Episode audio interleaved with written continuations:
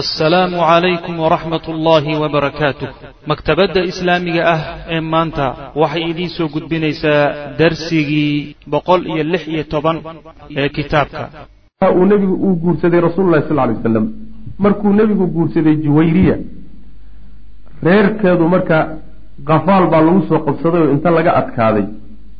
Yaa gacanta lagu hayaa addoomaaba laga dhigan rabaaba markuu nebigu juwayriye guursaday ayaa saxaabadu ridwaanullaahi calayhim wax alla wixii reerka ah oo dhan baa la iska sii daayay. La faraha laga qaado xataa xoolo lagama qaadan madax furasho xataa lagama qaadan. Ayib wa qaaluu waxayna yidhahdeen saxaabada nebigu sal alay waslam ashaaru rasuulilahi sal alay wasalam war ma nebiga xididkiisa ma nebiga qabiilkii xididka la ahaa iyo reerkii xididka la ahaa baynu niman yaho addoonsani soo ceeb inaguma ah yani gabadha xaaska nebiga sal alay wasalam walaalkeed iyo adeeradeed iyo yani waxa weeyaan maaragtay dadkii qaraabada la ahaayeen miyaa addoomma inoo ahaani oo nebigana xidid la ah wax dhacaya maaha la sii daayaa kulli marka sidii baa lagu fasaxay.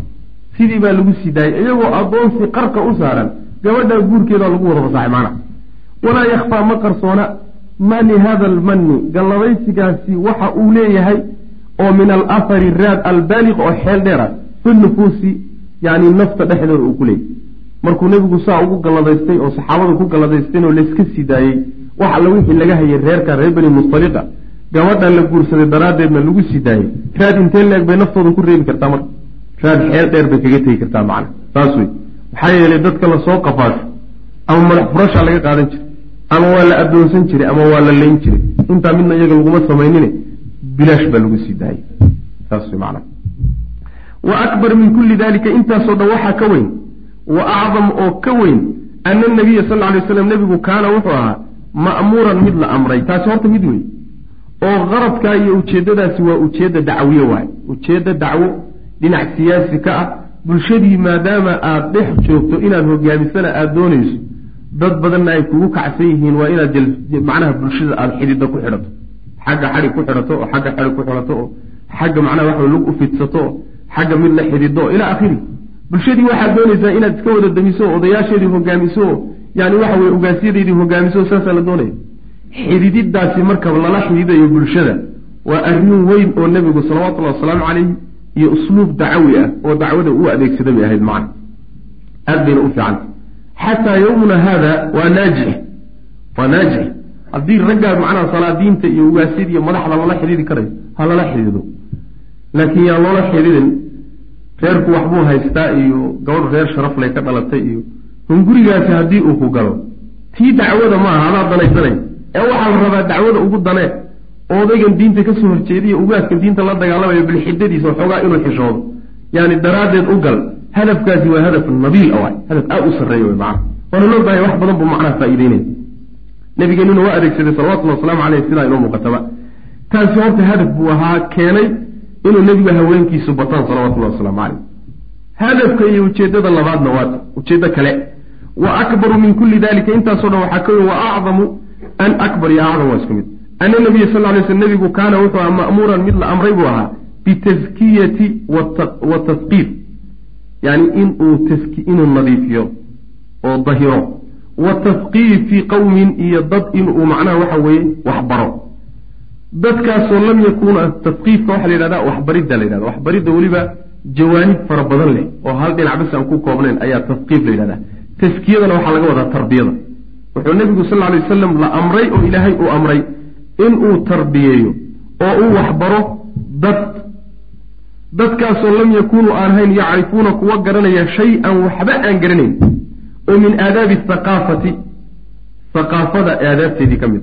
Waalxadaarati ilbaxnimada yani aadaabteeda ka mid. Wataqayudi ku xidhnaan iyo ku koobnaan. Bilawaasimi almadaniya reemagaannimada waxyaalaha uu ay keenayso oo lagu xidhmo oo lagu koobmo.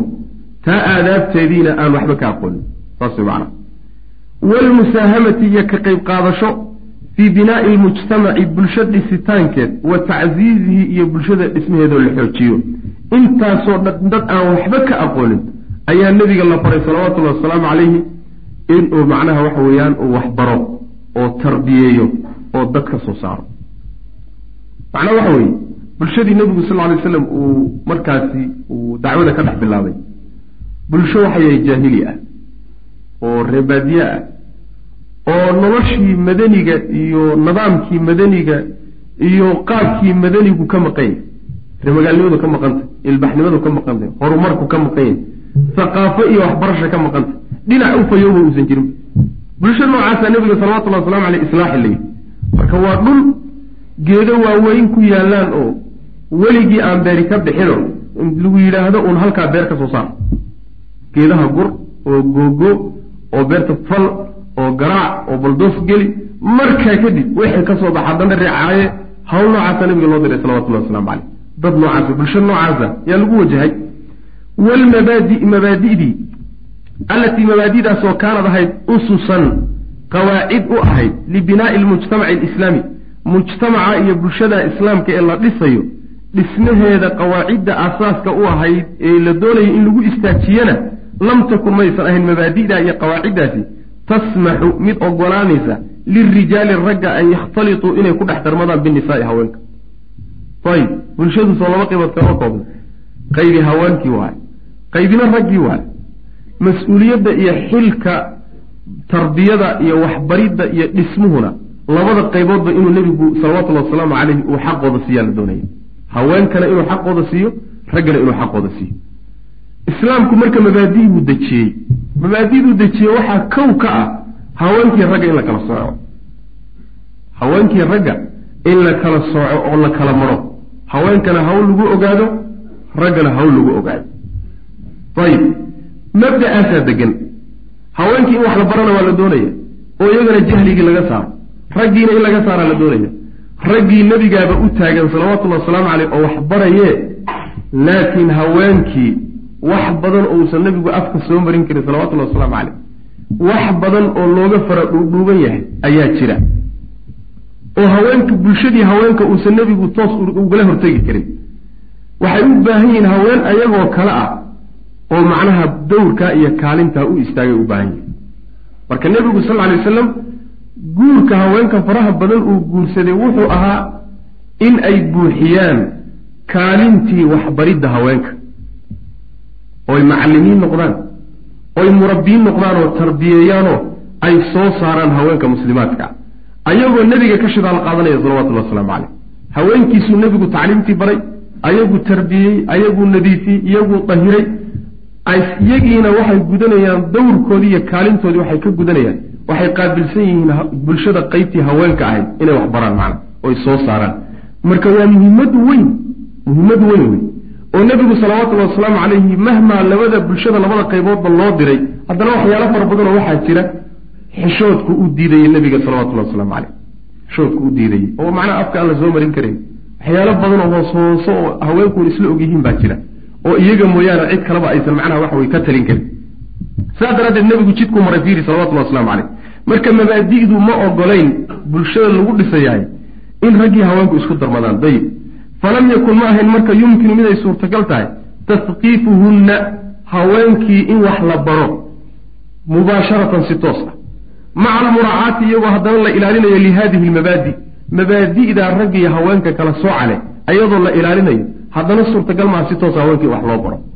Oo waxbaridda haweenka raggu ay waxbaraan baa waxay keenaysaa in raggiiyo haweenka isku dhex darmadaan. Kow ha isku dhex darmadina ha isku dhex darmanina waa layidhi ha isku dhex darmanina horreysay. Mabda'a markii la dijiyaa la yidhi haweenkiina waxa la baro. Haweenkiina wax lama bari karo in lagu dhex darmado mooyaane. See la yeeli marka bal adugu xalli waa ka xalkeed marka. Maca ana masiisa alxaajati iyadoo macnaha baahida daranna baahida loo qabo ee aada u daran ilaa tasqiifihinna haweenkii in wax la baro. Lam yakun maynan ahayn baahidaa darani ahwana mid ka fudud wa aqala mid ka yar min arijaali ragga xaggood.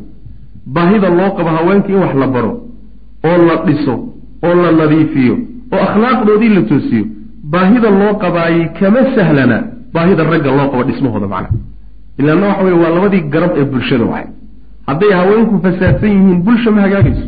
Hadday raggu fasaadsan yihiinna bulsha ma hagaagayso. Bal waxay leedaha labadooda marka laysu fiiriya haweenka asala haweenka asala macna.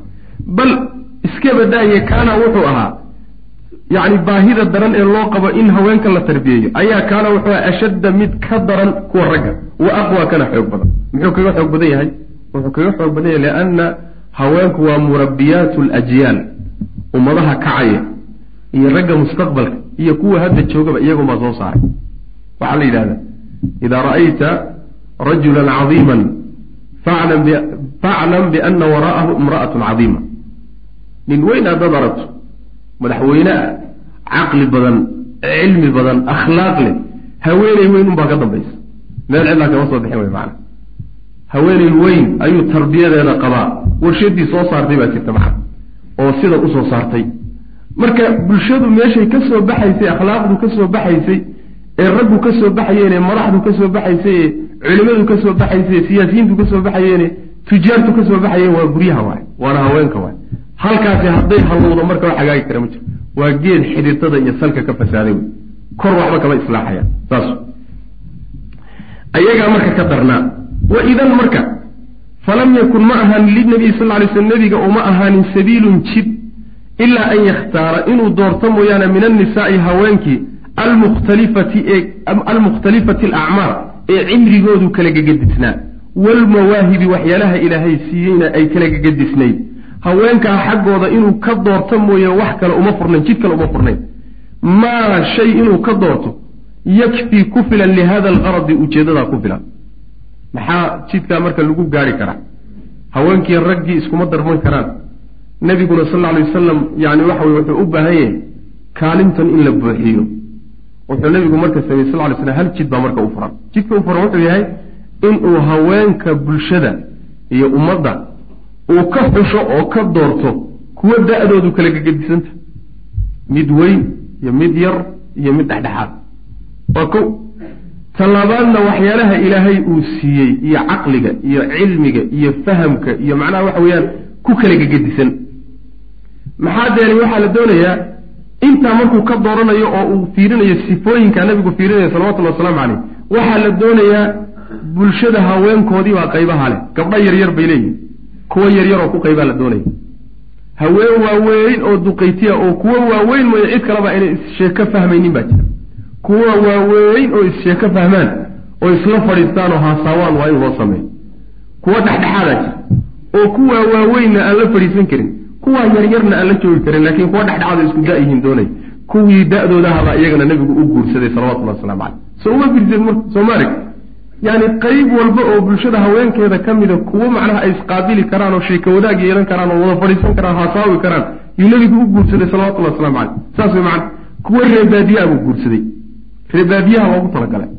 Saas ila waxa weeye haweeneyda ree magaalka reebaadiya hadduu u yimaado inay waxoogaa isla yara weynaataaba laga yaabo oy qaabili wey kuwo waxaa ku jira xataa macnaha waxa weye baadiye ah oo qaabkaa loogu talagalay baa ku jira macna marka yani ujeedada dhan wax buuxiyo oo wada daboola ayaa nabiga ujeedadiisu ahay salawatullahi waslamu caleyh fayuzakiihinna haweenkaa marka bulshada uu nabigu ka soo xushay salawatullahi wasalaamu caleyh fayuzakiihinna markaasuu nabigu tarbiyeyn.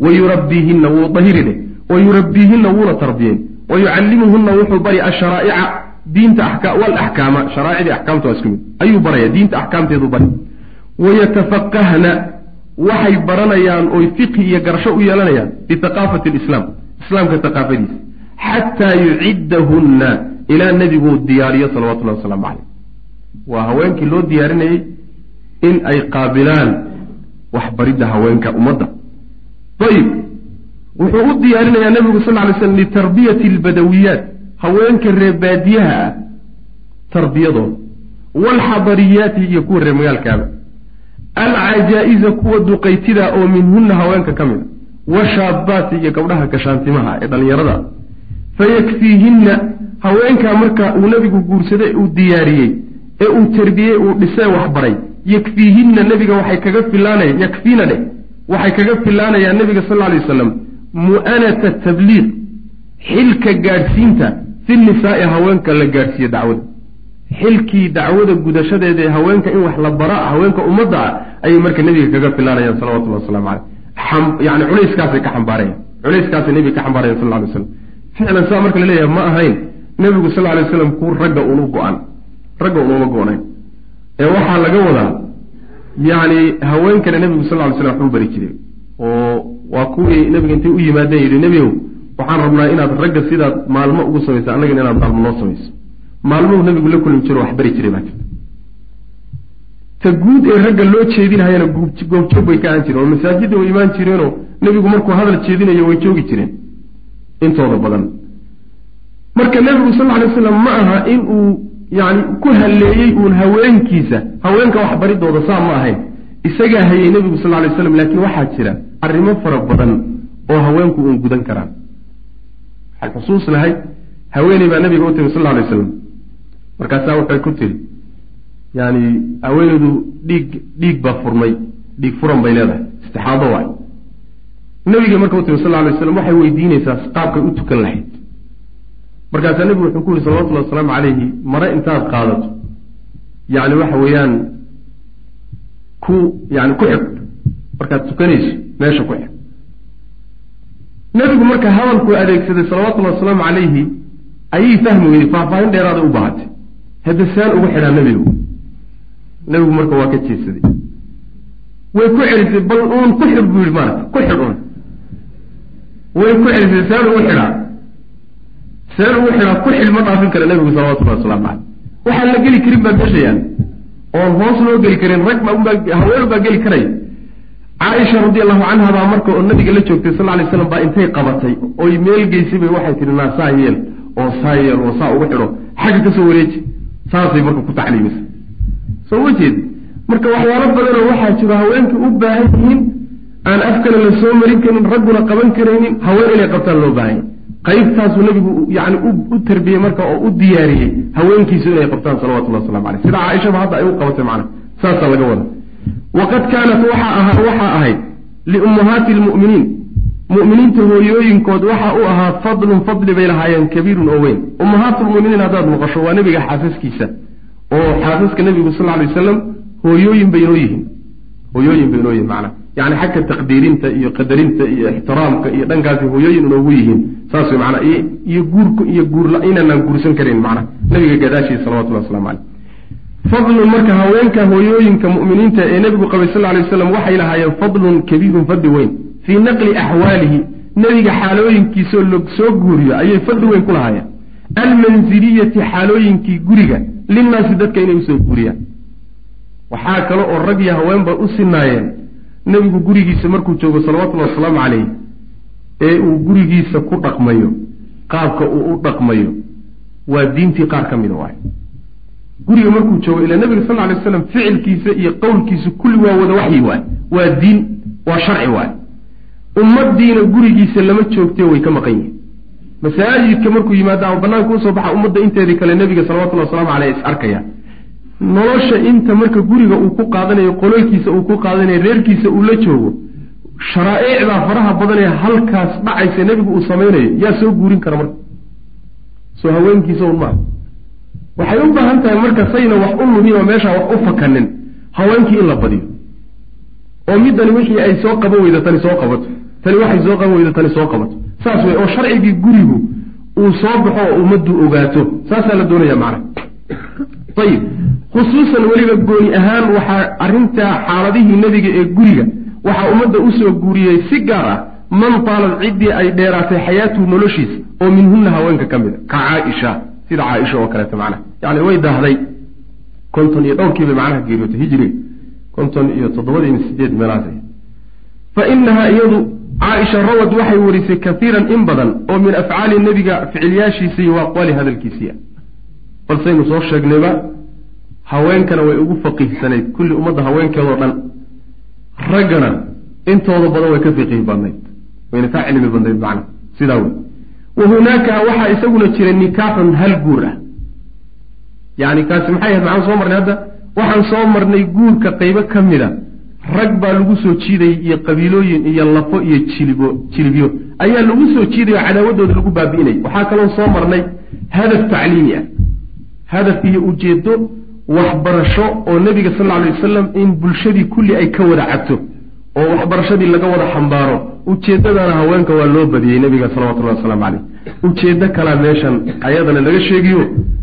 Waa ujeeddo hal guur oo guurarkii nebiga ka mid a salawatullahi wasalaamu caleyh bay khusaysaa halkaa guur waa kii zaynab binti jaxsh oo wuxuu isagana ahaa waxaa lagu duminayey caado jaahili ah.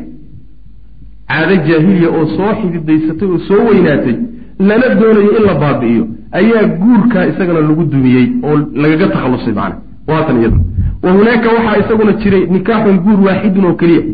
Hal guur baa jiray oo kaana ahaa linaqdi taqliidin caado jebinteed jaahiliyin caadadaasoo jaahili ah muta'asilin oo weliba xididaysatay yacni caado xididaysatay oo muddo lagu soo dhaqmi jiray. Caadadaa in la jebiyo oo la dumiyo ayaa hal guur oo guurarkii nebiga sal lla alay wasalam ayuu u dhacay. Wa hiya caadadaasina qaacidatu tabani wiilka dhigashada qaacidadeedii wey waynu soo marnay. Yani carabtu wiil uusan dhalin buu ninku iska qaadan. Markaasuu wiilkiisao kale ka dhiganaya wiilkaasi wuxuu qaadanaya oo ay siinayaan marka axkaamta uu leeyahay wiilka uu dhalay oo kaleeto isaguna wuxuu qaadanayaa axkaam aabboo kale u qaadanaya saas xaggii guurka iyo dhaxalka iyo furitaankii iyo ciddadii kulli waxaaso dhan. Marka qaacid qaacidada iyada marka waxa weye wiilka dhigashada oo caado jaahili ahayd sharciguna inuu baabiyo uu damcay ayaa waxaa lagu baabi'iyey nabiga sal lla alay wasalam guurkiisii uu zaynab guursaday waana tan qisadoo faahfaahsan wa kaana waxa ahaa buuhi lilmutabannaa wiilka la wiilaystay. Ee wiilka laga dhigtay waxa uu ahaa cinda alcarabi carabta agteeda fi ljaahiliyati islaamka ka hor jamiicu alxurumaat xurmooyin oo dhan buu lahaa. Waalxuquuqi iyo xuquuqdii oo dhan allatii xuquuqdaasoo kaanat ahayd lilibni alxaqiiqiyi wiilka xaqiiqigaa xuquuqduu leeyahay oo kaleeto sawaa bisawaa si siman jinjin yacni wiilka uu dhalani iyo wiilka uu soo qaataye wiilnimo uu isu siiyey ee wiilka uu ka dhigtay isku xaq way siin jireen waa isku xuquuq waa isku mas'uuliyaad waa isku mid waxba islama dheera saasay ahaan jireen. Wa kaanat waxay ahayd qad ta'asalat mid ay xididaysatay tilka alqaacidatu qaacidadaasina way xididaysatay fi lquluubi quluubtay ku xididaysatay aad bay u dheeraatay way da-weyneed macna. Bixayisu meel bay ku xididaysatay iyo si lam yakun ayna suurtagal ahayn maxwuhaa in la tirtiro sahlan si fudud loo tirtiro. Caadadaa marka la doonayo in la gooyona bulshadu waxayba taagan tahayba caado la gooyo cadho allay leedahay. Halkaasi taagan yahay sidaa daraaddeed waxay soo arki jireen oo ka taga la yidhaahdo caado intaa la eg ah wax sahlan maaha. Si sahlan looma tirtiri karo. Laakiin kaanat waxayse ahayd tilka alqaacidatu qaacidadaasi iyo caadadaasi waxay ahayd tucaaridu mid ka hor imaanaysa mucaaradatan ka hor imaaso shadiidatan oo daran lilususi asaasyaashii walmabaadi iyo mabaadi'dii allatii mabaadida iyo qawaaciddaasoo qararaha alislaamu islaamku uu sugay. Fi nikaaxi guurka dhexdiisa waalaaqi furitaanka waalmiiraafi iyo dhaxalka. Wa gayri dalika iyo intaa waxaan ahaynba oo min almucaamalaati dhaqamada dadka dhex mara. Intaaba sharciga kaga hor imaanaysa oo guurka xaggiisa waxay ahayd wiilkaad wiil ahaan ka dhigato gabadhiisa ma guursan karti haweenayda uu guursadaan ka wada.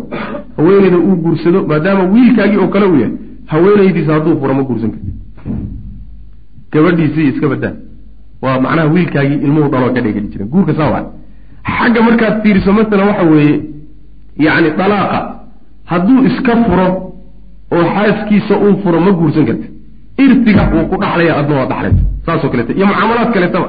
Wa kaanat waxay tilka alqaacidatu qaacidadaas iyadii tajlibu mid soo jiida kaiiran in badan oo min almafaasidi mafaasid ah yacni fasaad badan iyo dhib badan bay la imaanaysa.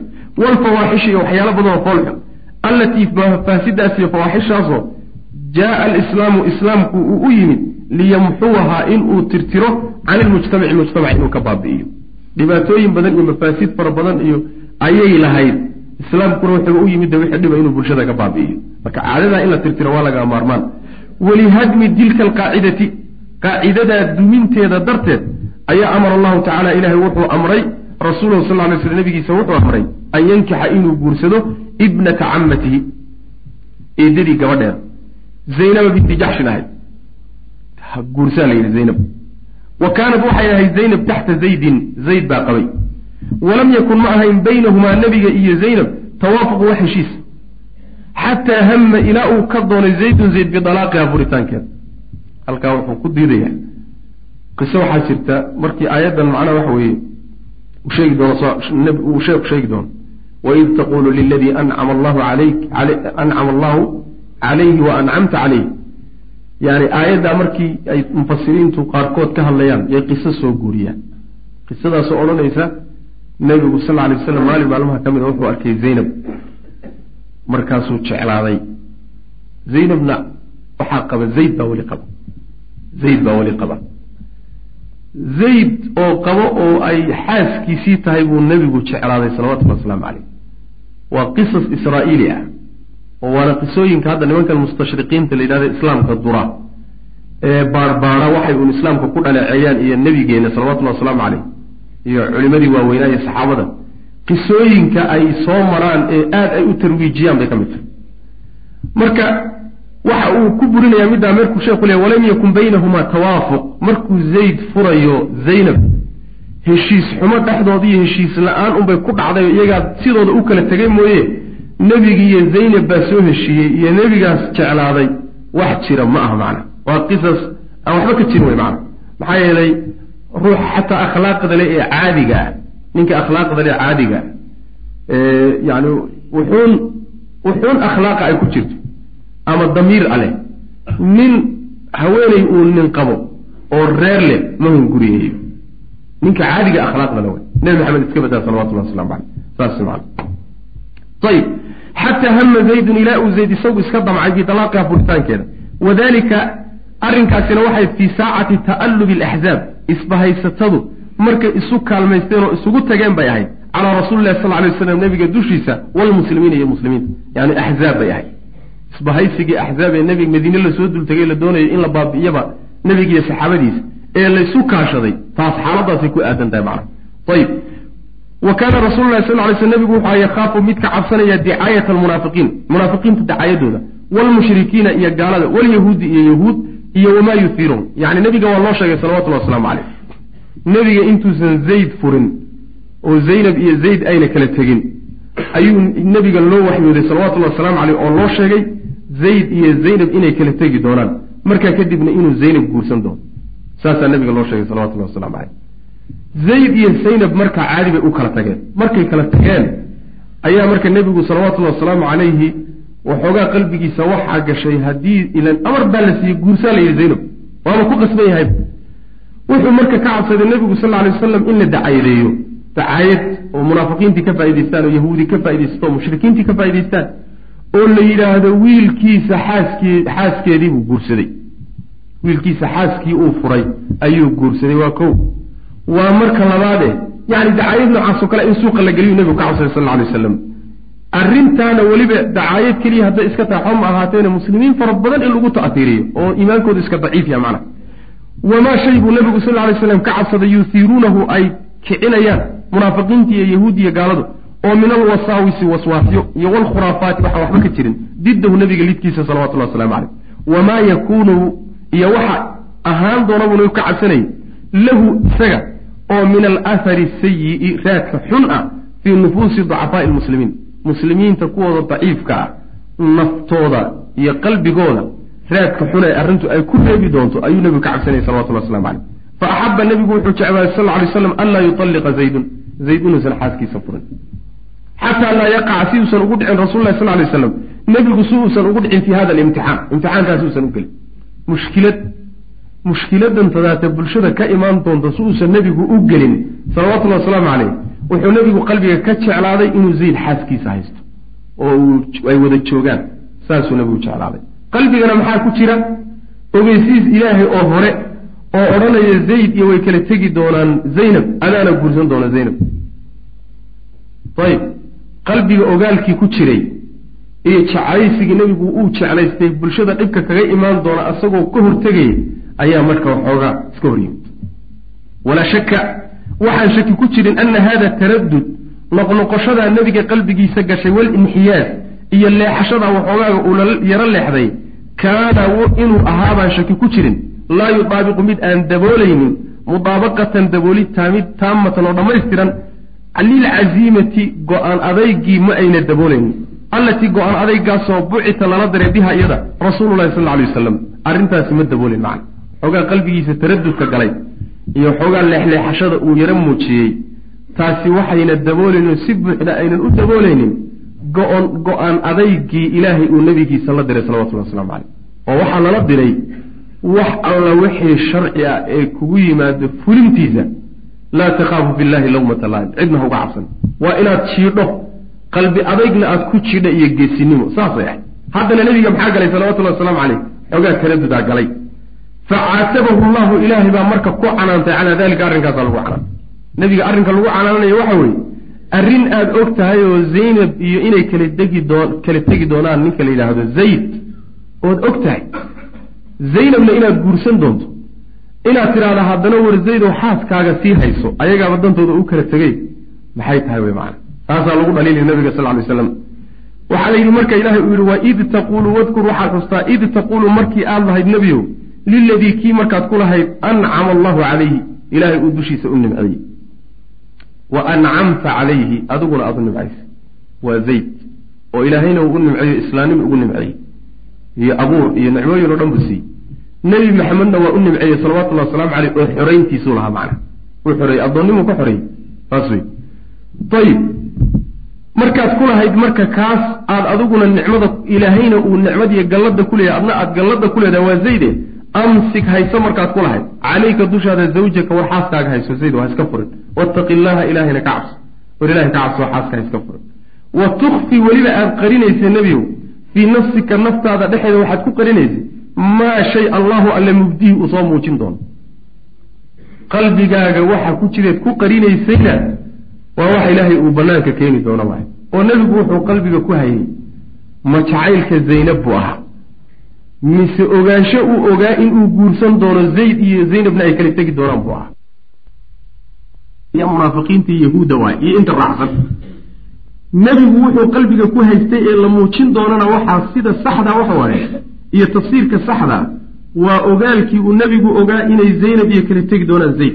Kadibna inuu nebigu guursan doono zaynab calaa raqmi anfihi weliba isagoo ku qasban inuu guursan doono taa waya miduu nebigu qalbiga ku hayay salawatullahi waslamu caleyh kadibna ilaahay soo muujiyey ilaahay uu soo muujiyey subxana wa tacala waxaa lagu yidhi marka nebiga watakhsha annaasa dadkaad ka cabsanaysaa wallaahu alle ayaana axaqu mudan oo u mudnaan badan an takshaahu inaad ka cabsato bal u fiirso dadkaad tixgelinaysaa ama lagugu kacaayo lagu dacaydeeyaa oo munaafiqiin ka faa'iidaystaanoo yahuuda xagga ka soo oo dad baad ka cabsanaysaa allah mudan inaad ka cabsataa lagu yihi nabiga salawatullahi waslamu caleyh marka wax ilaahayba qadaray kuuna sheegay qadarkii waa inuu ku dhac macnaa sidiisii u fula wey macna.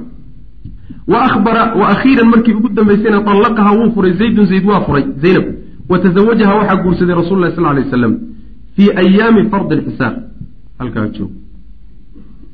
Qisadu haynaga kala goodo habeenta insha allah tacala baan halka ka qaadayna. Wabilahi tawfiq wsala allahuma waslama cala nabiyina muxamedi wcala alihi wasaxbi wasalam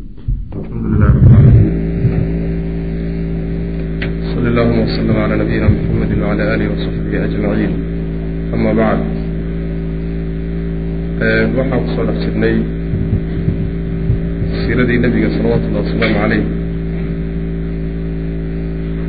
gaar ahaan qeybtii ka hadlaysay nebiga xaasaskii uu guursaday iyo xaaladiisii qoyska marka waxaan soo gaadhnay waxaan soo sheegnay inuu nebigu sal alay wasalam ujeedooyin badan uu u guursan jiray. Ujeedooyinkii qaybihii la sheegay baa waxaa ka mid ahayd in guurarkii nebigu uu guursaday qaarkood ay u dhaceen. Ujeeddo ah in lagu duumiyo caado weynaatay oo bulshadu ay lahaan jirtay. Guurkaas oo nidhi waa kii uu nebigu guursaday salawatullahi wasalaamu calayhi yani zaynab. Uu guursaday binti jaxsh taasaan marka ku dhex jirnay.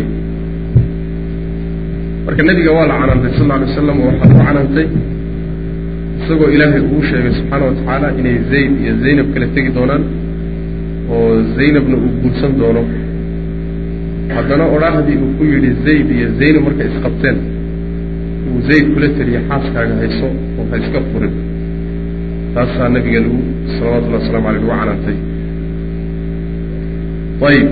Wa akhiiran markii u dambaysayna kama dambaystii طallaqaha wuu furay zaydun zayd waa furay. Wa tazawajaha waxaa guursaday rasuulu llahi sal alay wasalam ayaa guursaday fii ayaami fardi lxisaab maalintii maalmihii go-doominta la saaray calaa bani qurayda. Reer bani qurayda maalintii maalmihii go-doominta la saaray ayuu nebigu guursaday. Bacda an inqadat markay dhammaatay kadib ciddatuha ciddadeedu markay dhammaatay. Reer bani qurayda waynu soo marnay yaani go-doominta iyo xusaarka waxaa la saaray markii dagaalkii axzaab isbahaysatadii ree axzaab markii ilaahay kala caydhiyey subxana wa tacaala kadib ayuu nebigu salawatullhi wasalaamu caleyh ku duulay. Marka dagaalkii axzaab bay isku wakti ahayd. Xilligaasu marka nebigu guursaday salawatullahi wasalaamu caleyh wa kaana allahu allana wuxuu ahaa qad awjaba mid ku waajibiyey calayhi nebiga dushiisa. Haada nikaaxa guurkaa waa lagu waajibiyey. Intii kale ee guursanaya o dhan isagaa khiyaarkiisa ku guursan laakiin kan waa qasab waay xagga ilahay buu ka subxana wa tacaala walam walam yatruk mu uusan uga tegin alle lahu nebiga khiyaaran wax ah walaa majaal iyo jaanis toon jaanis iyo majaal uu wax ku kala doorto oo ama ku diido loogamaba tegin looma daynin macna ilaa wa ilaa uu guursaanay xataa tawalla allahu ilaa ilaahayba uu tawalliyey dalika nikaaxa guurka isagaa binafsihi isaga laftiisa. Yani waxaa guuriyey zaynab waa allah subxana wa tacaala. Allah u guuriyey nebiga oo xataa eheladeedii iyo dadkay ka dhalatay iyo looma soo marin wey macna.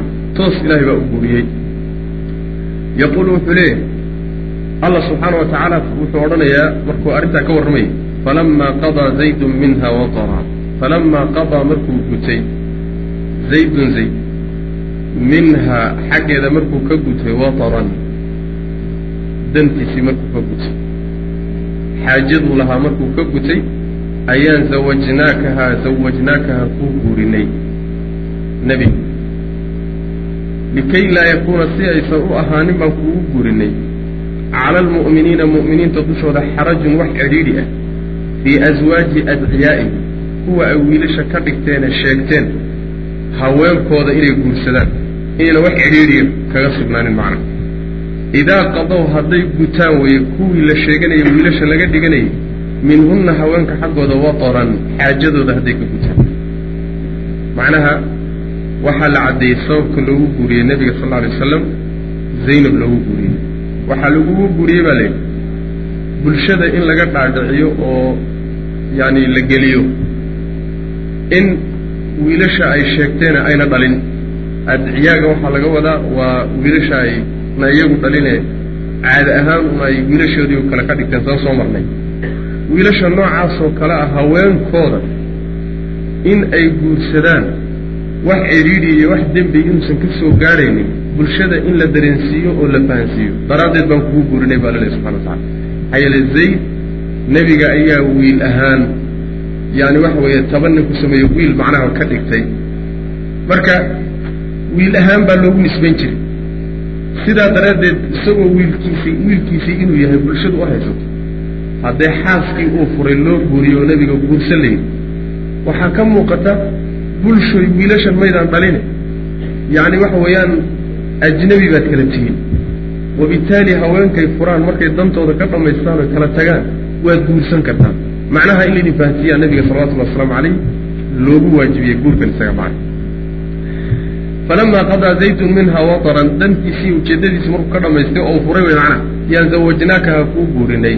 Ujeeddada lagugu guuriyaan waxa weye likay laa yakuuna si aysan u ahaanin cala almu'miniina mu'miniinta dushooda xarajun wax cidhiidhi ah si aysan dushooda u ahaaninoo dembi iyo cidhiidhiisayna midna u dareemin.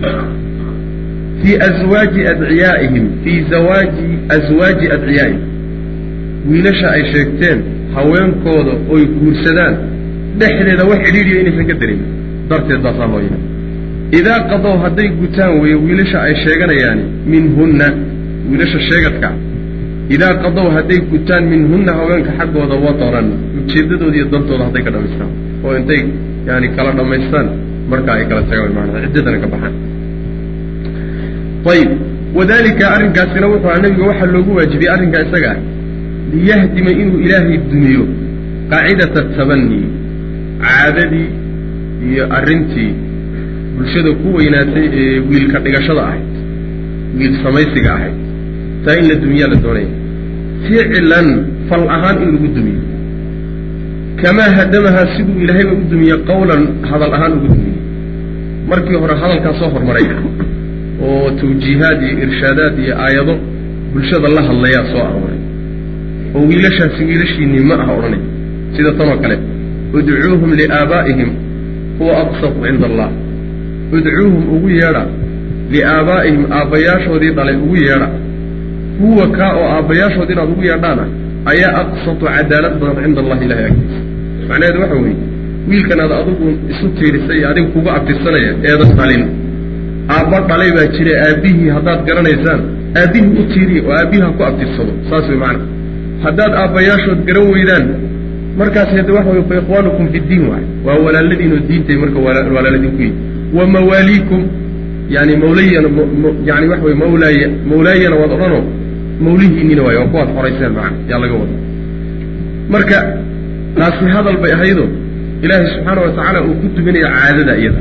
Waxaa kaloo iyadana hadal ahayd ma kaana muxammadun abaa axadin min rijaalikum ma kaana ma ahaanin muxammadun muxamed ma ahaanin sal alay slam abaa axadin ruux aabihii oo min rijaalikum raggiinna ka mid.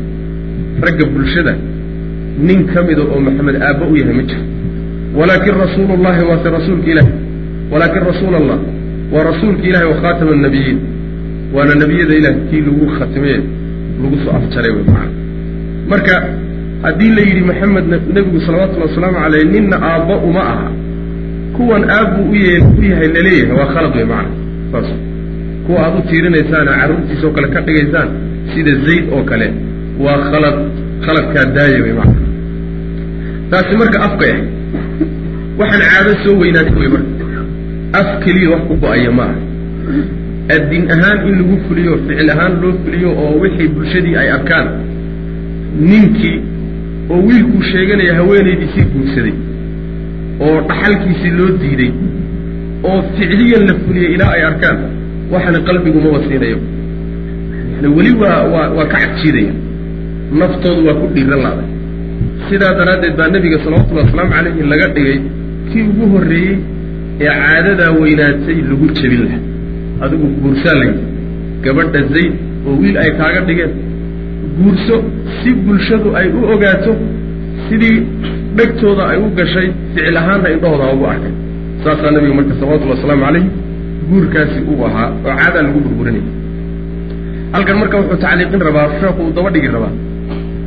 Yacni su'aal baa meesha ka imaan karta. Su'aasha imaan karta waxay tahay haddiiba ilaahay subxaana wa tacaala aayada qur'aanka ka mida soo dejiyey oo bulshadii lagula hadlay oo la yidhi waxaasi waa khalad ee joojiya maxaa looga baahday in nebiga salawatullahi wasalaamu calayhi intaasoo dhib a lugaha loo geliyey oo asaga uu lagu tijaabiyo hawshii ficliyan inuu isagu u sameeyo maxaa looga baahanya soo hadalka keliya kuma filla.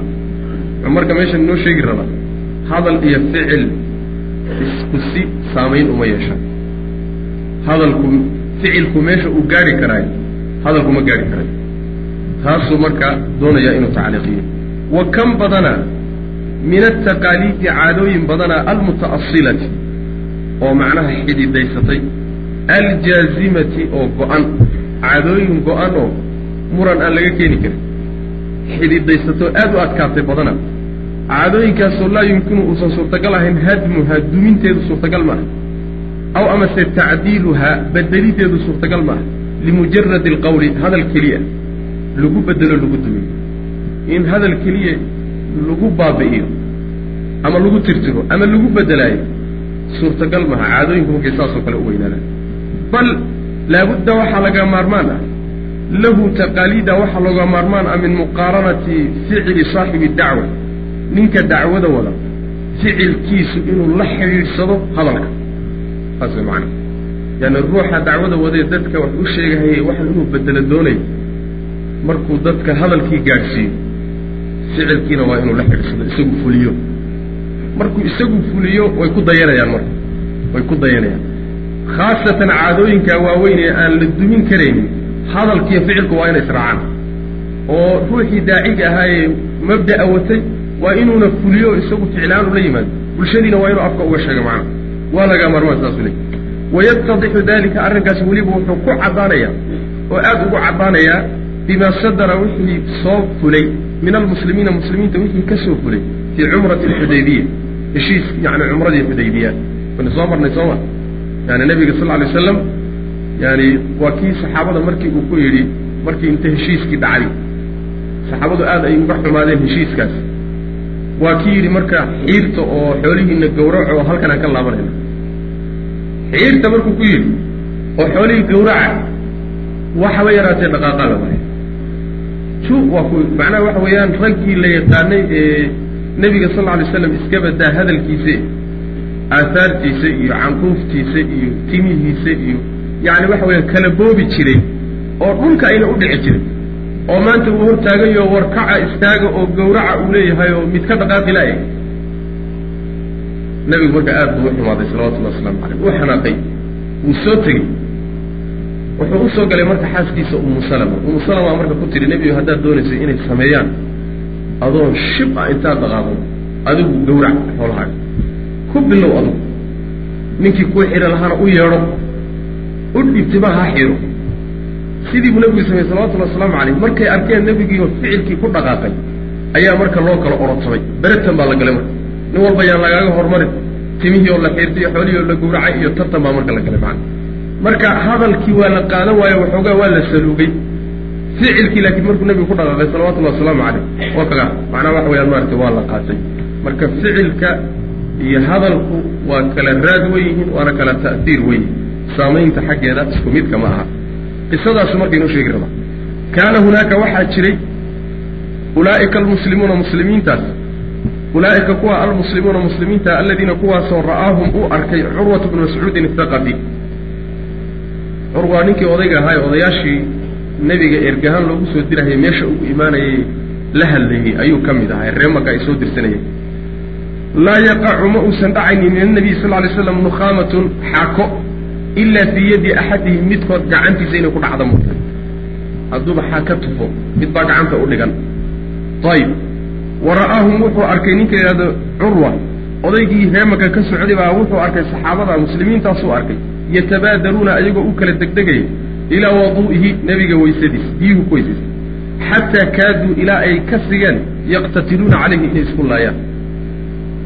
Inay iskuba laayaan macnaha markuu weysaysto timihii biyihii weysada ka soo hadhay ayay kala boobahayaanoo inay isku laayaan bay sigayaan macna.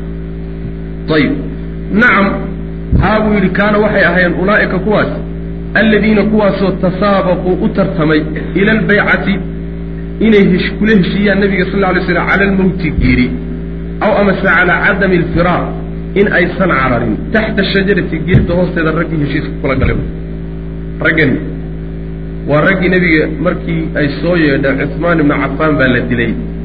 Ama nimankii reer maka way qabsadeen. Nebigu baycada la yidhahdo baycatu ridwaan.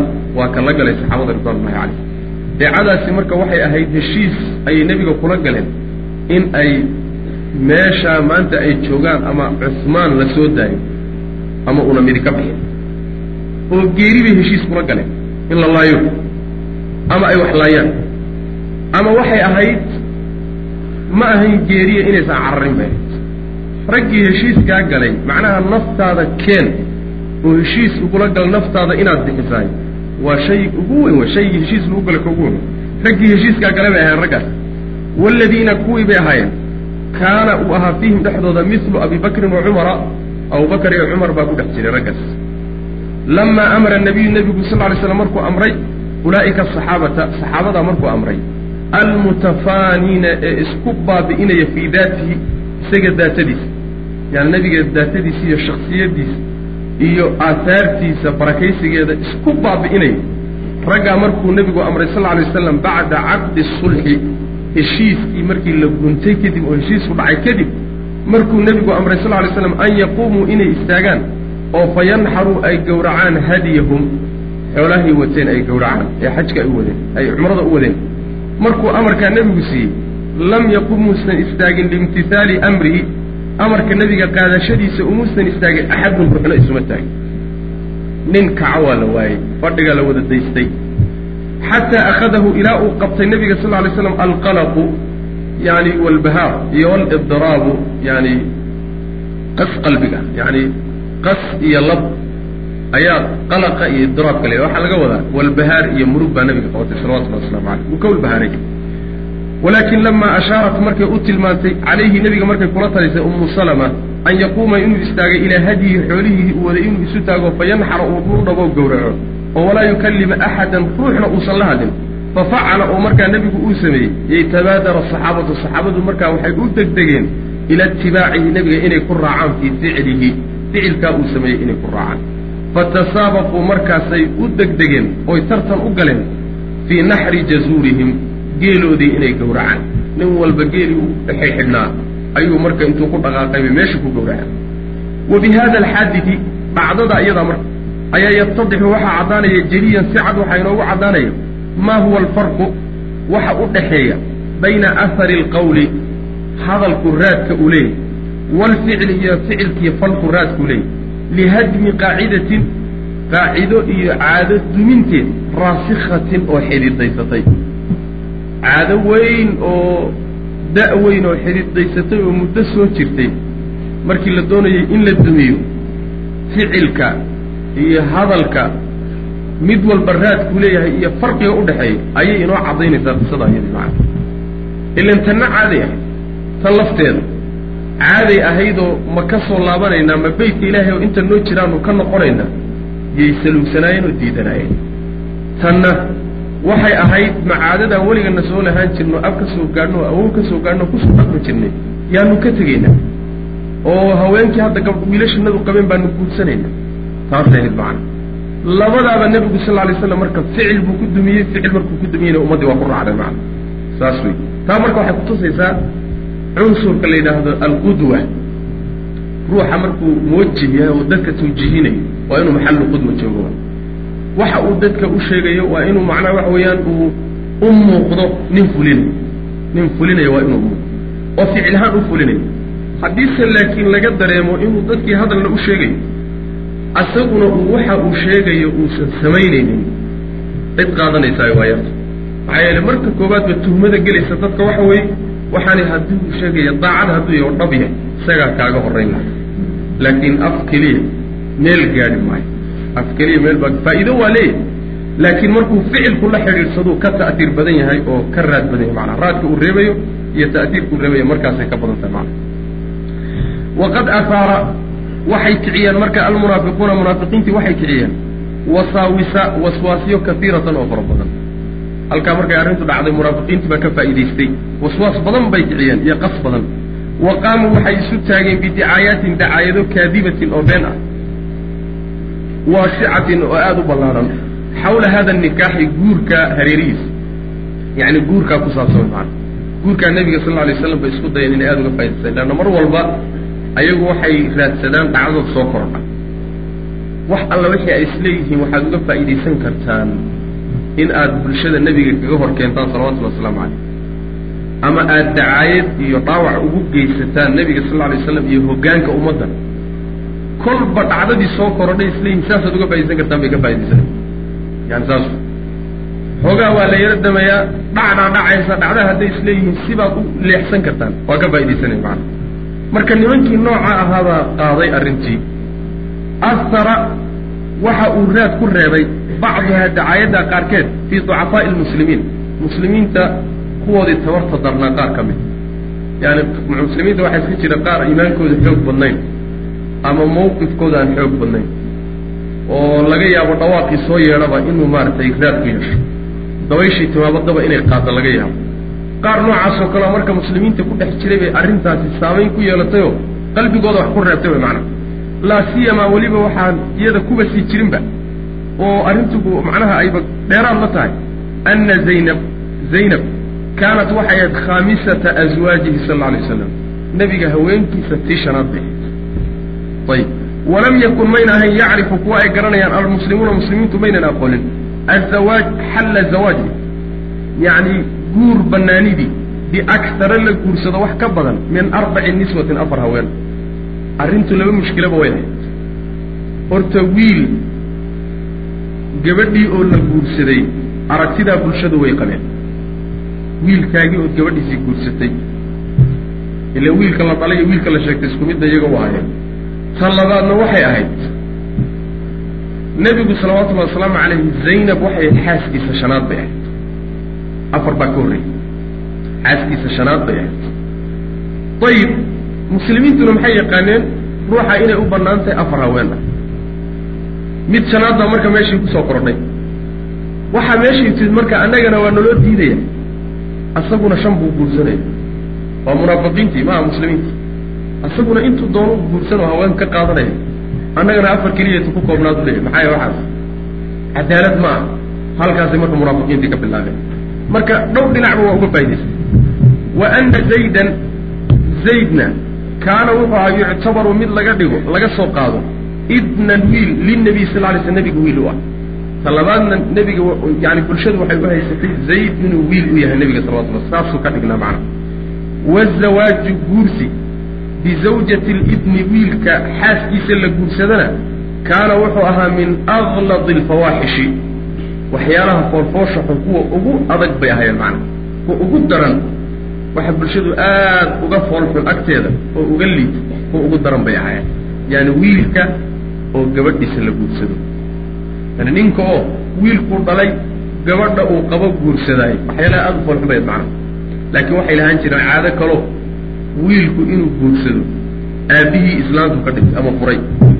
Way lahaan jireen taa iyada. Waata qur'aanku sheegay walaa tankixuu maa nakaxa aabaa'ukum min annisaa laakiin aabbuhu inuu gabadha uu sodoga u yahay u mohdo taasi maynan aqoon jirin macnaha waxay aqoon jireen maa ayib waqad anzala allahu ilaahayna wuxuu ku soo dejiyey fii suurati alaxzaab suurat alaxzaab dhexdeeda wuxuu ku soo dejiyey xawla almawduucayn labada mawduucba labada mawduuc labadee wey yacni waxa weye waa guurka haweenay shanaad la guursado iyo wiilka la sheegtay xaaskiisoo la guursado labada mawduucba waxa uu ilaahay ku soo dejiyey maa shafaa wax caafimaadiyey dadkii oo wakafaa ku filaaday fii suurati alaxzaab ayuu ilaahay ku kala dhigdhigay subxaana wa tacala marka dadkii waa qanceen. In munaafiqiin a mooyaane dadkii waa caafimaadeen oo waa ku fillaatay qur'aankii soo degay baa wixii o dhan ka saaray. Wa calima asaxaabatu saxaabadu waxay ogaadeen oo barteen ana tabaniya wiilka dhigashadu wiilaadan dhalinood wiil ka dhigatahay laysa inuusan ahaanin lahu isaga aharun wax raad ah cinda alislaami islaamka agtiisa wax raada inuusan lahayn. Yacni axkaamta sharciga raad kuma lahay laa guurka walaa furitaanka walaa dhaxalka inuusan raad ku lahayn taasay saxaabadu barteen way macana wa ana allaha allana tacaala korhayay wasaca inuu u ballaadhiyey u ruqseeyey. Lirasuulihi sal lay sl nabiga inuu u ruqseeyey fii zawaaji guursiga. Maa shay ayuu u ruqseeyey oo u baneeyey lam yuwasic uusan u banaynin ligayrihi isaga cid aan ahayn. Maxaa isaga loogu baneeyey ummadda inteeda kale loogu banaynin liaqraadin ujeedooyin liaqraadihi ujeedooyinkiisa darteed annabiilati ee sharafta badan almumtaazati ee soocan la soocayoo yaani aada u sarraysa. Nebigu saan soo sheegnay ujeedooyin fara badan buu guurka ka lahaa.